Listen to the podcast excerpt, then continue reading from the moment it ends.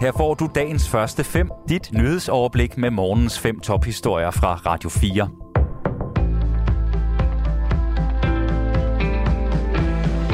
Godmorgen, det er den 16. juni. Mit navn er Anne Sofie Felt. Køb nu, betal senere. Det er en mulighed i mange online-butikker, og mange danskere benytter sig også af det tilbud. Udskudte eller opdelte betalinger er gennem de seneste år blevet så udbredte, at omkring 30 procent af forbrugerne i Danmark har gjort det i løbet af de seneste tre år. Det viser en undersøgelse blandt lige over 3.000 personer, som Forbrugerrådet Tænk og Trykfonden står bag.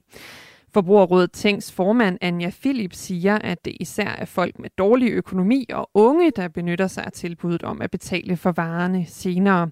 Hun advarer mod betalingsformen, som reklamerer med at være rente- og gebyrfri, men for nogen kan ende som et dyrt bekendtskab.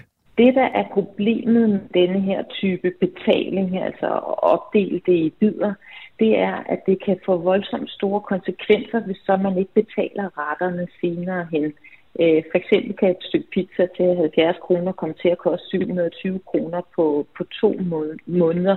Og det kan vi se, at øh, øh, en langt større del af dem, der er i betalingsvanskeligheder, øh, de kommer til at få rykkergebyrer, øh, og faktisk hver tiende af dem ender i en kasse og i RKI. Forbrugerrådet Tænk foreslår, at betalingerne omfattes af den samme lovgivning som kviklån, hvor der eksempelvis er 48 timers betænkningstid.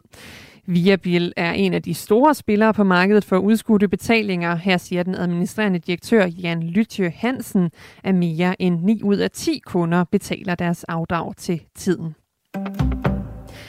Nu får Danmark en ny amerikansk ambassadør. Det amerikanske senat har nemlig godkendt den 69-årige forretningsmand Alan Levenfall som USA's næste ambassadør i Danmark. Alan Levenfall er blandt andet bestyrelsesformand og topchef i Beacon Capital Partners, der er en af de førende ejere og forvaltere af kontorejendomme i USA. Det er endnu ikke oplyst, hvornår Alan Levenfall kommer til Danmark. Der har ikke været en amerikansk ambassadør i Danmark siden Carla Sands, der var udpeget af den tidligere præsident Donald Trump, forlod landet sidste år. For at bekæmpe den stigende inflation, så hæver den amerikanske centralbank nu renten med 0,75 procentpoint. Det er den største rentestigning siden 1994. Thomas Sand fortæller. Centralbanken, der i daglig tale kendes som Fed, siger, at den forbliver stærkt forpligtet til at få inflationen tilbage på målet på 2%.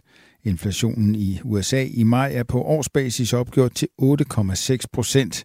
Det er en meget god illustration af, at det er ganske ekstraordinære tider, vi befinder os i, siger chefanalytiker i Danske Bank, Michael Olaj Milhøj.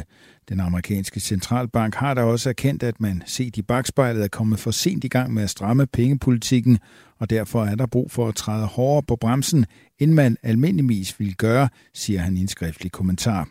Frederik Engholm fra Nykredit siger, at den store rentestigning var ventet på finans- og børsmarkederne, og han konstaterer, at det er ganske sandsynligt, at den bliver efterfulgt af en tilsvarende en af slagsen til juli.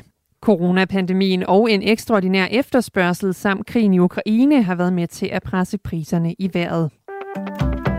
Tysklands forbundskansler, Frankrigs præsident og Italiens premierminister ventes at besøge den ukrainske hovedstad Kiev i dag. Det sker for at vise deres opbakning til landet. Ukraine har blandt andet kritiseret landene for at være for langsomme til at levere våben, men de kritiske røster vil de tre ledere nu forsøge at komme til livs. I går aftes der sagde den franske præsident Emmanuel Macron, at det er på tide at bekræfte Ukraine i landets EU-ambitioner. Vi er nået til et punkt, hvor vi er nødt til at sende klare politiske signaler, også europæere, til Ukraine og dets folk, som gør heroisk modstand, siger han.